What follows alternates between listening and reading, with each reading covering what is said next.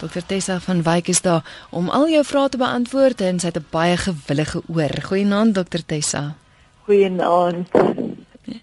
Ons gesels vanaand oor uitbranding. Dr Tessa, dit is dan nou eers Januarie. En mense sukkel reeds met die gevoel in in die gevoel van uitbranding. Is dit normaal? Uh, dit is nie veronderstel om normaal te wees nie, veral as mens na Desember 'n lekker rustyd gehad het. Uh, jy weet, is dit nie veronderstel om, om so te wees nie. Die ongeluk is is dat ons nie noodwendig Desember vakansies gebruik of vakansies gebruik om werklik net bietjie te rus en tot verhaal te kom nie. Dis die een ding, maar die ander ding wat ons ook verkeerd doen, deur die loop van die jaar leef ons nie 'n gebalanseerde lewe nie en ons herlaai nie op 'n daaglikse en 'n weeklikse basis nie. So teen die einde van die jaar as dit by Kersvakansietyd kom, is jy so stokflou dat na 3 weke begin jy eers eintlik afskakel. Mm. Dit eh, ek het ook al gevind in elk geval die eerste week na 'n besige jaar wat jy op vakansie is, word jy of siek want jou liggaam kom ewe skielik tot stilstand of jy dit vat jou 'n week om te begin vakansie hou dat jy net afskakel. Jy weet en en maar die die probleem is deur die loop van die jaar doen ons dinge verkeerd. Hoe weet mens as jy besig is om uit te brand? Of of wat gebeur met 'n mens as jy uitbrand? Dit is 'n dit is 'n baie interessante prentjie wat ek met woorde gaan probeer skets is is daai tipe tipiese ding van as jy 'n bak vol water vat en jy druk 'n spons daarin. Nou die spons weet ons almal absorbeer water. En dan gewoonlik wat jy dan doen, dan vat jy die spons uit en jy druk hom leeg en uh, maak hom leeg en dan absorbeer hy weer water. Wat met uitbranding gebeur is, jy druk die spons in die water, hy absorbeer water, maar jy gaan nooit en druk die water uit nie. Jy mag maak nooit die spons leeg nie. En dan druk jy hom weer in die water, so daai spons word al swaarder en al swaarder en al swaarder. En naderhand kan kan daai spons letterlik nie meer beweeg nie, so swaar is hy. Eh uh, want dan word net nooit leeg gemaak nie. En daardie leegmaak is die herlaai proses wat ek van gepraat het. Nou, Daar's 'n fantastiese eh uh, grafiek 'n stresgrafiek wat 'n kurwe na bo maak. As as as die luisteraar sommer dit so in hulle gedagtes kan sien. En ek trek altyd 'n lyn in die middel van daai kurwe en aan die linkerkant praat ons van die positiewe stres en aan die regterkant die negatiewe stres. So ons almal het stres nodig, eh, gesonde stres op op 'n dag anders sal ons nooit uit die bed klim nie. Hm. So jy het bietjie adrenalien nodig om op te staan en 'n doel te hê en dan gaan jy maar dan is daar 'n lyn wat jy oorskry. Sien nou maar jy jy skryf eksamen, dan gebruik jy bietjie meer negatiewe stres of jy het 'n deadline wat jy moet bereik. Of as jy op vakansie is, gebruik jy bietjie minder stres en so speel ons tussen amper 'n V in die middel rond. Maar wat gebeur dan as hierdie spons te vol raak? Dan gaan jy oor die lyn na die regterkant na die negatiewe stres toe en jy gaan al meer en meer en verder en verder af totdat jy by 'n punt kom wat jy uitbrand wat jy letterlik net nie meer kan nie. Jou spons is te vol. Die hartseer van hierdie ding of die die die die uh ongeluk by hierdie ding is as jy die tekens ignoreer wanneer jy by uitbranding kom is die volgende stap is breakdown. Dan gee jy jou is 'n instorting jou hele liggaam gee in. En baie mense sit dan met goed soos beroertes wat hulle kry of selfs hartaanvalle of jy weet baie mense sê jy sien maar hierdie ou was so fiks en hy was so gesond. Mm. maar hy was so oorlaai dat hy 'n ongebalanseerde lewe gelei het. Jy weet en ewe skielik kry op die ouderdom van 35 hartaanval. Of mense het al vir my gesê hulle staan die oggend op uit die bed uit en hulle bene wil nie beweeg nie. Dis asof daar 'n emosionele fisieke verlamming intree en dan kan hulle net nie. 'n Ander vrou het vir my gesê sy vir die afgelope 3 maande huil sy nog net aan een. So jou liggaam gee in en stop en sê vir jou stop nou die bus, ek kan dit net nie meer langer vat nie. Nou wat kan ons doen om ons sponse leeg te maak? Jy het nou genoem dat mens eintlik daagliks en ook weekliks moet moet herlaai. Hoe doen mens dit? Is daar praktiese raad wat jy kan gee?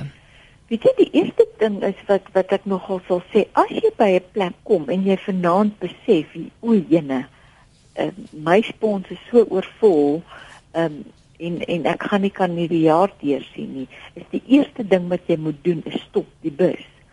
Nou verkieslik is dit om vir 3 maande heeltemal weg te breek, op vakansie te gaan of in 'n hospitaal in te boek of by 'n spa in te boek wat niemand van ons eintlik kan bekostig nie, want die meeste van ons moet werk. So jy kan nie noodwendig op 'n sabbatical gaan of of net 3 maande verlof vat nie. Die die die stop die bus beteken jy moet stop en vir jouself sê ek kan nie langer meer water absorbeer nie. My spons is te vol. Ek moet nou eers vir myself sê ek moet sekere verskywings en aanpassings maak. Nou wanneer jy reeds by hierdie plek is waar jy uitgebrand is, is jy baie moeg. Jou jy's fisiek baie moeg. So die eerste ding wat ek vir jou sal sê nadat jy die bus gestop het, sorg dat jy baie rus kry. En nou weer eens omdat jy deur die dag moet werk, kyk dat jy vroeër in die bed klim. Uh sekere take skuif dit net uit. Seker goed hoef nie dadelik te gebeur nie, ten minste vir die volgende 3 maande.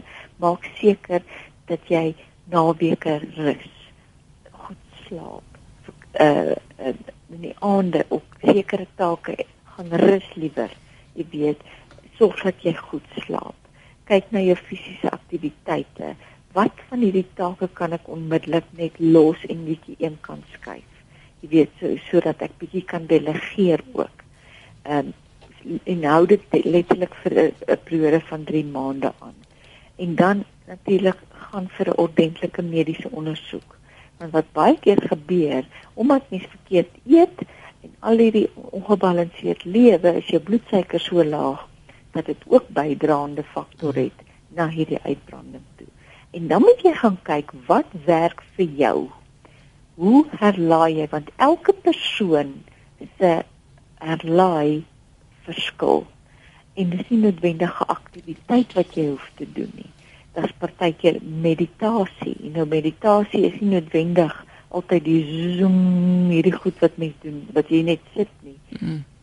Jy kan byvoorbeeld mediteer deur net in gebed ingaan of jy kan mediteer deur net stil te sit en na 'n kers wat brand kyk maar dit gaan oor jy moet ernstiger binne in jouself rustig raak sodat jy weer kapasiteit kan bou en herlaai en eh, sodat jy die volgende dag weer kan aangaan en veral as jy reeds by 'n plek is waar jy uitgebrand is is dit goed wat jy op 'n daaglikse basis moet doen.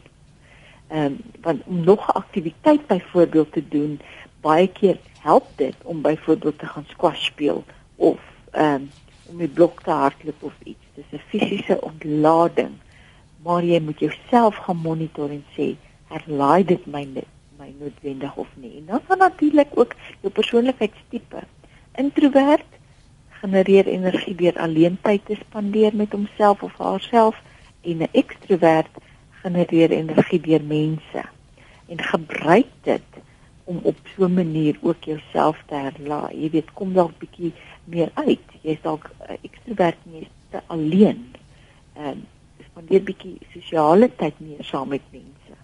En op so 'n manier herlaai jy. Maar dit is iets wat jy vir jouself moet gaan uitwerk wat werk en wat werk nie net vat gewoonlik 'n periode van toets en en sê nee wat hierdie ding het my nou moer gemaak en dan probeer jy weer en probeer weer.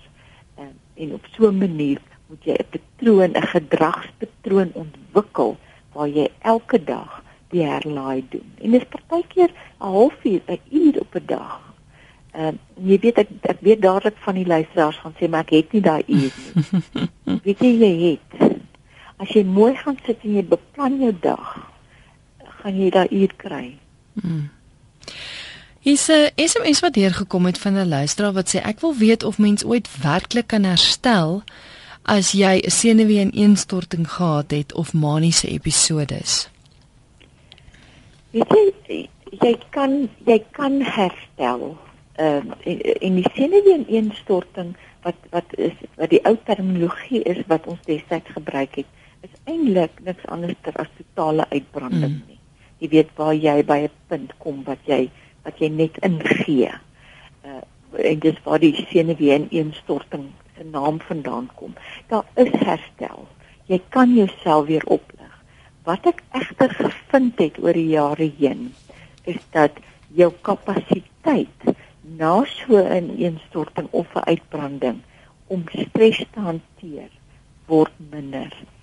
En jy met ander woorde, jy jy kom vinniger na 'n eerste ineenstorting of uitbranding weer by 'n plek wat jy sê o, jene, ek kan dit nie hanteer as jy dit nie reg bestuur nie. So jou kapasiteit word tog bietjie bin minder vir vir stres, hoe om stres te hanteer en jy kom vinniger weer by uitbranding, maar jy kan ten volle herstel. Onthou net, dis iets wat jy die res van jou lewe gaan moet bestuur en jy gaan daagliks en weekliks en maandeliks moet herlaai want anders te gaan jy weer 'n keer uitbrand en weer 'n keer uitbrand. Jy is ingeskakel op RSG en jy luister na Geestesgesondheid. My gas is dokter Tessa van Wyk, sy's 'n traumatoloog en ons gesels vanaand oor uitbranding. Is jy moeg om altyd moeg te wees? Nou, hoekom brand 'n mens uit? Ek dink byvoorbeeld nou ek weet van iemand wat verlede jaar ongelooflik baie emosionele, die een emosionele gebeurtenis na die ander, familie wat in 'n ongeluk was en toe slegte nuus oor die kleintjie en als kan iemand van die een emosionele episode na die ander kan dit uitbranding veroorsaak of of wat veroorsaak dit? Ja, dit kan definitief 'n reeks traumas, uh, veral as dit op mekaar is. Mm. 'n verliese, jy weet dat jy sê net maar 5 mense in 1 jaar aan die dood afgestaan het, kan definitief daarna lei veral as jy nie deur die pyn en die emosie gewerk het nie. 'n Ander ding ook wat daarbey aansluit is emosionele bagasie wat jy vir jare al saam met jou dra mm. en net nooit daaraan werk en aandag gee nie, is definitief ook ehm um, een van die redes hoekom mense éventueel uit uitbrand jou, jou onderbewussyn se leers raak te vol jy raak oorlaai. Dis amper as ek eh, 'n prentjie kan sê, dis soos 'n asblik wat oorvol raak en hy loop naderhand oor. En dis presies wat met emosionele bagasie gebeur wat jy vir jare saamdra. Dan 'n ander groot ding wat baie baie mense uh mee sukkel, is 'n gebrek aan passie. En ons ons dink ons praat altyd van o jy moet jou passie uitleef en jy moet jou droom uitleef en alles maar weet jy eh, Christel hoeveel mense werk net om brood en botter op 'n tafel te sit. En dit het niks met passie te doen nie. So hulle gaan elke oggend werk te ongelukkig en hulle kom huis te ongelukkig en hulle steur die dag by die werk ongelukkig want daar's net geen passie in dit wat hulle doen en wat hulle leef nie. Partykeer is hulle in 'n huwelik waar daar geen passie is nie. So hulle gaan letterlik net aan. Hulle leef maar hulle hulle leef ook maar net net en dit dit vat jou na baie baie slegte plekke toe. Jy weet waar jy net voel van ag hoe hoe kom doen ek dit? Dan eh uh, probleme wat aanhou en aanhou en aanhou soos finansiële probleme. 1 jaar in 1 jaar uit gaan jy aan en jy kom net nooit by 'n plek wat jy genoeg geld elke maand het om of te spaar of net bietjie ekstra romas of iets te koop nie. Dit vat nogal baie aan mense en ek dink veral met die resessie ook. Ehm um, jy weet uh, maak maak 'n groot ding. As jy heeltemal uit balans uit lewe. Met ander woorde, as jy kyk, daar's 'n fantastiese 'n uh, uh, ding wat ons noem the wheel of life wat jy jou lewe indeel en persentasie gee aan hoeveel tyd jy per dag aan wat spandeer. Jy weet sport, geestelik, sosiaal werk, familietyd, so uh um uh, ontspanningstyd en alles. En dan kan jy daar sien sien nou maar 90% van die van die dag spandeer ek uh net aan werk. en 5% aan familie en omtrent 0% aan ontspanning, dan weet jy jy's heeltemal uit balans uit en dit mm. gaan lei na ehm uh, uitbranding toe want jy kan nie so aan aangaan nie. Uh geen pret nie. Ons gaan net aan en ons werk en ons kry net swaar en ons leer luister ons nog al hierdie nuus ook en éventueel pak jy geestelik net op en jy sê ek kan net nie meer nie. En natuurlik 'n groot groot groot ding waarmee baie mense sukkel. Hulle kan nie nee sê nie. Hmm. Uh jy weet daai grense wat jy trek en net jy weet jy ek kan nie, nie ek kan nie nou dit vir jou doen nie. Ek kan dit dalk oor 'n maand vir jou doen, maar ek het net nie nou die tyd nie. Uh of partykeer as iemand by jou wil kom kuier en jy's regtig op so laagtepunt dat jy voel ek het nie krag vir nog 'n telefoonoproep of nog 'n mens 'n vrou het dit nou die dag vir my baie mooi gestem. Gesê ek het nie krag vir mense se geselskap nie. Mm. En dan bel mense en sê hulle wil kom kuier en jy het die volste reg om te sê, "Weet ek kan nie nou nie, maar oor 2 weke gaan ek dit dalk kan doen." Kan ons dit uitstel na dit toe? En en en vriende en familie sal seker goed verstaan, maar vir een of ander rede sê ons nie nee nie. En dan 'n ander ding wat ook 'n groot probleem is, ons leef in perfekte boksies en ons wil perfek wees. En jy weet daai ding wat sal die mense sê? Wat sal die bure sê as ek dit nou gaan doen? As ek net so 'n bietjie laf is of net bietjie mag nie mislukking wees nie. Ek gaan stupid lyk. Like. Al hierdie goed wat ons vir onsself sê, want samelewing het sekere boksies geskep en ons moet in daardie boksies pas. Met ander woorde, op die ouderdom van 50 mag jy nie meer ehm um, bungee jump. ek weet nie of mens meer kan op 50 nie.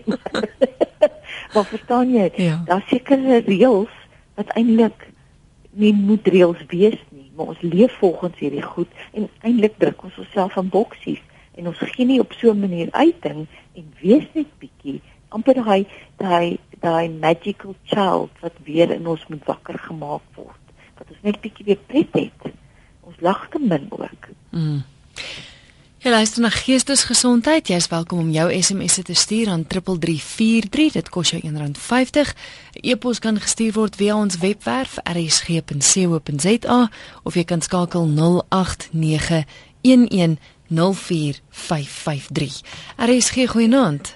Uh goeienaand. Ek wil net bitte graag weet, uh, ek voel so uitgeput en uitgebrand want ehm um, baie jare terug het daai Rian Kruiwagen my gemoles en ek was gemoles deur 'n onderwyser op skool gewees en dis asof ek posttraumatiese stres dinge het en um, dit maak my verskriklik ongelukkig dat daai mense wat uit daai era van apartheid en onderdrukking kom nou nog vir hulle self alles create en die beste uh, jobs en inkry wie hulle wil en dan uh, dyk Susan Stein op skielik uit Europa uit en dan is dit via Koenie de Villiers okay. en van die môre tot die aand moet jy luister hoe sing ou Koenie sy koppel jong. Okay, goed, ons raak nou effe persoonlik daaroor. Ek dink ook aantuigings wat nie noodwendig op lig gemaak kan word nie. Wil jy um, ek wil gou by jou hoor hoe hoe maklik kan mens verwar dood eenvoudig nie dat jy nie genoeg slaap kry nie met uitbranding. Want ek dink baie mense en ek sien ook 'n klomp SMS'e wat deurkom, klomp mense wat nou bekommerd is dat hulle dat hulle uitgebrand is, maar kan dit maklik verwar word met iets anders? Weet jy dit dit, dit nie nie sommer nie. Daar's baie van hierdie goed loop hand aan hand. Goed. Gewoonlik wanneer jy 'n baie swak slaappatroon het, kan dit wees omdat jy reeds uitgebrand is of op pad is uitbranding toe of 'n gebrek aan slaap kan jou na uitbranding toe vat. Verstaan jy, so hierdie goed loop verskriklik hand aan hand. Jy het 'n goeie nagserus nodig. Jy kan nie vir 14, 15, 16 ure 'n dag werk, vir 3 ure slaap, opstaan en weer aangaan nie. Uh, baie mense doen dit en ek weet baie mense luister vanaand en sê ag ek doen dit al vir 20, 30 jaar. maar wat wat is die kwaliteit van jou lewe wanneer jy wel wakker is en wat is jou produktiwiteit regtig? Elke mens het minder of meer slaap nodig volgens jou eie stelsel. Maar jy het 'n goeie nagserus definitief nodig want dit is definitief 'n bydraende faktor. Ek dink ook ekskuus dit, dit kan nogals moeilik wees vir mense wat wat nagskool werk. Ek weet ek het nou die dag ge, gelees ook eh, een van die nuusbulletins dat dat ouens wat nagskool werk want jou jou liggaam is ingestel om outomaties te wil rus in die aand en wakker te wees in die dag en as dit nou omgegooi word kan dit dinge bietjie de mekaar krap nou. Ja. Baie baie mense wat skof te werk en in die nag sukkel om daai daai slaappatroon te herstel um, en en ehm um, jy weet dan kan dit lei na dan seker goed toe wat ook gebeur natuurlik wanneer jy 'n swak slaappatroon het of wanneer jy nagskof te werk beïnvloed dit ook jou eetgewoontes. Mm. Want jy slaap, jy sê nou maar jy kom 7 uur van skof af in die oggende, dan sê jy dan jy doodmoeg en dan eet jy nie noodwendige ontbyt nie. Gaan slaap dadelik staan 1 uur op, so kan jy dink waar trek jou bloedsuiker dan al? Want jy het nog niks geëet vir hoe, hoeveel ure dan nie. Dan drink jy 'n koppie koffie of jy eet dalk die verkeerde ding, uh en dan val jou bloedsuiker nog verder en dit dit maak ook, jy weet, weer eens, dit moet 'n gebalanseerde lewenstyl wees wat jy handhaaf om uitbranding te voorkom. Hierso is 'n uh, SMS wat deurgekom het en ek dink dit sluit aan by presies wat jy nou net gesê het. Wat sê dokter kan u my help asseblief? Ek is moeg, ek lê amper heel nag wakker, het geen eetlus. Dit lyk my die persoon is op medikasie, knars op my tande en my hande knyp ek so toe dat hulle seer is. Wat kan ek doen? Dis anoniem van Nysna. Joe, um, anoniem dit dit die enigste woord wat wat opkom is is ongelooflike onderdrukte spanning wat jy het. En jy moet dalk gaan kyk uh, wat is dit wat wat jou grootste stresor is wat vir jou soveel spanning maak. Baie keer ehm um, gebeur dit dat jy dat die mens nie weet hy of sy is onder spanning of geweldige stres nie. Hulle interna dit internaliseer jou jou stres. Met ander woorde jy jy ervaar dit binne maar jy besef nie en jy gaan letterlik in coping mode in en jy sê weet jy wat ek kan dit goed aan goed hanteer ek kan dit goed hanteer. Maar dan manifesteer hy in die vorm van ek kners op my tande ek sukkel om te slaap al het ek medikasie ek baal my vuiste want ek is die hele tyd gespanne en dit moet vir jou sê iets pla vir jou iets spanningsvol in jou lewe. En as jy dit gaan identifiseer gaan jy dit kan hanteer ook gaan regstel en dan kan jy dit konfronteer. En die maklikste manier om dit te doen vat pen en papier en begin 'n lysie maak van alles wat jy dink moontlike stressors in jou lewe kan wees. En op so 'n manier kan jy begin en en, en elke ene evalueer en kyk tot in watter mate is dit 'n stresor. Dit kan dalk 'n kombinasie van klomp goed wees en dan moet jy begin werk maak daarvan dat jy jou stresvlakke net minder maak. Nog 'n luisteraar sê ek werk die afgelope 3 jaar 12 tot 14 ure per dag en ek kan as gevolg van werkdruk nie 'n gebalanseerde lewe lei nie. Ek vind dat ek die afgelope maande baie besluiteloos is en baie vergeetagtig. Is dit simptome van uitbranding? Is definitief simptome van uitbranding is uh, sukkel om te konsentreer vir geetagtig um, en dan daai verwarring van uh, kom baie keer by die plek uit van wat is die sin van die lewe vra sulke tipe vrae en dit maak dit ook moeilik om om uh, besluite te neem en weet jy wat Christel jy kan vat vir jouself as jy moeg is is dit moeilik om besluite te neem mm. uh, mens is heilerig en jy jy verloor perspektief as jy moeg is So en ek weet baie baie werke vereis baie lang ure. En veral in die korporatiewe wêreld, daar's 'n onrealistiese verwagting ehm uh, van mense om sekere werke te doen en wat ook baie met maatskappye gebeur met afleggings. Uh stel hulle nie noodwendig weer later iemand aan in daai persoon se plek nie. So baie mense sit in die korporatiewe wêreld en hulle doen eintlik twee of drie mense se werk. Uh, want die maatskappy moet geld spaar. Mm. En die maatskappye is baie keer onredelik teenoor mense wat hulle die mense net druk en hulle vat hulle pond vleis, maar hulle besef nie dat hulle moet belê in die mens self nie en jy moet rus. En ek werk baie saam met maatskappye en Christel, jy kan nie glo hoe mense se produktiwiteit afneem deur 12 tot 14 ure per dag te werk, bitter min rus kry, geen vorm van herlaai nie. En hulle word hoër risiko mense, nie want nie net hul produktiwiteit neem af nie, hulle begin foute maak. Want jy is te moeg, jy kan nie so aangaan nie. En en daarom is dit verskriklik belangrik om te sê, okay, ek kan nie minder as 12 tot 14 ure werk as die maatskappy dit van my verwag nie of as jy as jy dalk vir jouself werk, ek weet die arbeidswet dis teen bietjie teen die arbeidswet om sulke lang ure te werk. Maar dan moet jy gaan kyk na jou lewenstyl en wat kan jy in plek bring om wel op 'n manier balans in jou lewe te bring. Byvoorbeeld vir jouself sê as ek na 12 of 14 ure gewerk het moet ek ten minste in daai 12 en 14 ure sorg gereeld eet mm. en gesond eet, dat ek nie verkeerde kosse eet nie. Dan moet ek ernstige oefening inkry. Dan moet ek na 12 en 14 ure per dag as ek huis toe gaan, doelbewus iets gaan doen wat ek kan ontspan en doelbewus iets gaan doen wat my herlaai sodat ek weer môre 12 tot 14 ure kan werk. En dit gaan bietjie beplanning vat in die begin, Maar as jy eers weer in 'n nuwe rotine kom, dan gaan jy wel jouself vind dat jy 12 tot 14 ure 'n dag kan werk en kan kan funksioneer. En onthou, moet nie die waarde van 'n Sabbatsrus vergeet nie. Daar's 'n rede hoekom daar 'n Sabbatsdag ingestel is.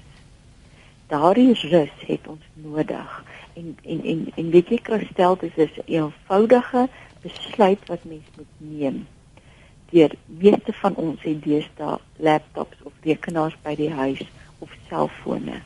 En jy moet 'n besluit neem en sê Sondag of 'n Saterdag watter dag jy dit ook al kan doen wat jou Sabbatsdag is wat jou rusdag is moet jy sê ek gaan nie daai rekenaar aansit nie. Ek gaan daai dag rus sodat ek die volgende week weer kan kan kan voluit werk en my bes te maar ons doen nie daai Sabbatsdag nie. Mm. Ons het hom begin ignoreer en dit is so maklik want jy sit net vinnig ek gaan net vinnig hier e-mail stuur. En voor jy kom kry sit jy 2, 3 ure ja. voor hy rekenaar. Mm. Of ek gaan net vinnig gou al my my SMS'e kyk. Ehm um, los, hulle kan boodskappe lo los, jy kan dit maandag weer lees en maandag weer kan jy weer al daai e-mails en goed beantwoord. Ja, Ria het ook 'n SMS gestuur en sy sê sy het in 'n spreekkamer gewerk en daar was te veel werk vir een persoon maar te min vir twee en na 33 jaar het sy net ineengestort en daarna erge depressie gehad. Dit het haar 2 jaar geneem om te herstel. Ja, dis nie die moeite werd nie. Dis nie die moeite werd nie. En weet jy, jy moet vir jouself ook by 'n plek kom wat jy vir jouself vra. Wat probeer ek bewys? Is dit die moeite werd vir my liggaam om 100% in, in te gee? En ek kan glad nie funksioneer nie en ek het geen kwaliteit lewe nie. Vir wat doen ek dit? Vir wie doen ek dit? Want dit is ook een van die redes hoekom ons so hard werk. Ons druk onsself dat ons moet bewys ons is goed genoeg. Jy weet ons moet net aangaan en aangaan en aangaan en aangaan. En daar is nie so lewend daar, daar is nie so iets nie. Jy mag maar ook ontspan jy mag maar ook pret hê. Inteendeel jy moet sodat jy daai daai daai balans kry. Die lewe gaan nie net oor werk nie. Ek het eendag 'n baie interessante ding gehoor en ek moet sê dis nogals iets waarna ek baie dink. Waar hulle gesê het al die dinge in jou lewe is soos balle. Um alles is van glas gemaak behalwe jou werk. Jou liggaam is van glas, jou familie, jou gesin, jou kinders, alles is van glas gemaak en laat jy dit val, gaan dit breek. Jy kan dit weer in mekaar sit, maar dit gaan nooit weer dieselfde wees nie. Maar werk is die enigste ding wat 'n rubberbal is. Hy kan maar val, hy gaan terugop. En baie maal is eh, eh, vir baie, jy weet, ek dink, "Jog, moet ek hierdie werk aanvat? Moet ek dit doen?" En dink ek altyd aan daai ding. wat is vir my belangriker? Gaan dit my my my glasballe gaan dit dit beïnvloed? En dis nogal 'n prentjie wat ek altyd in my kop hou. Tekene prentjie, hmm. hoor, en dit maak soveel sin wat jy sê en en en wat jy eintlik ook sê is daai prioriteite wat mens moet bepaal om te hmm. sê waar trek jy die lyn? Ken jou kinders jou of werk jy net die hele tyd?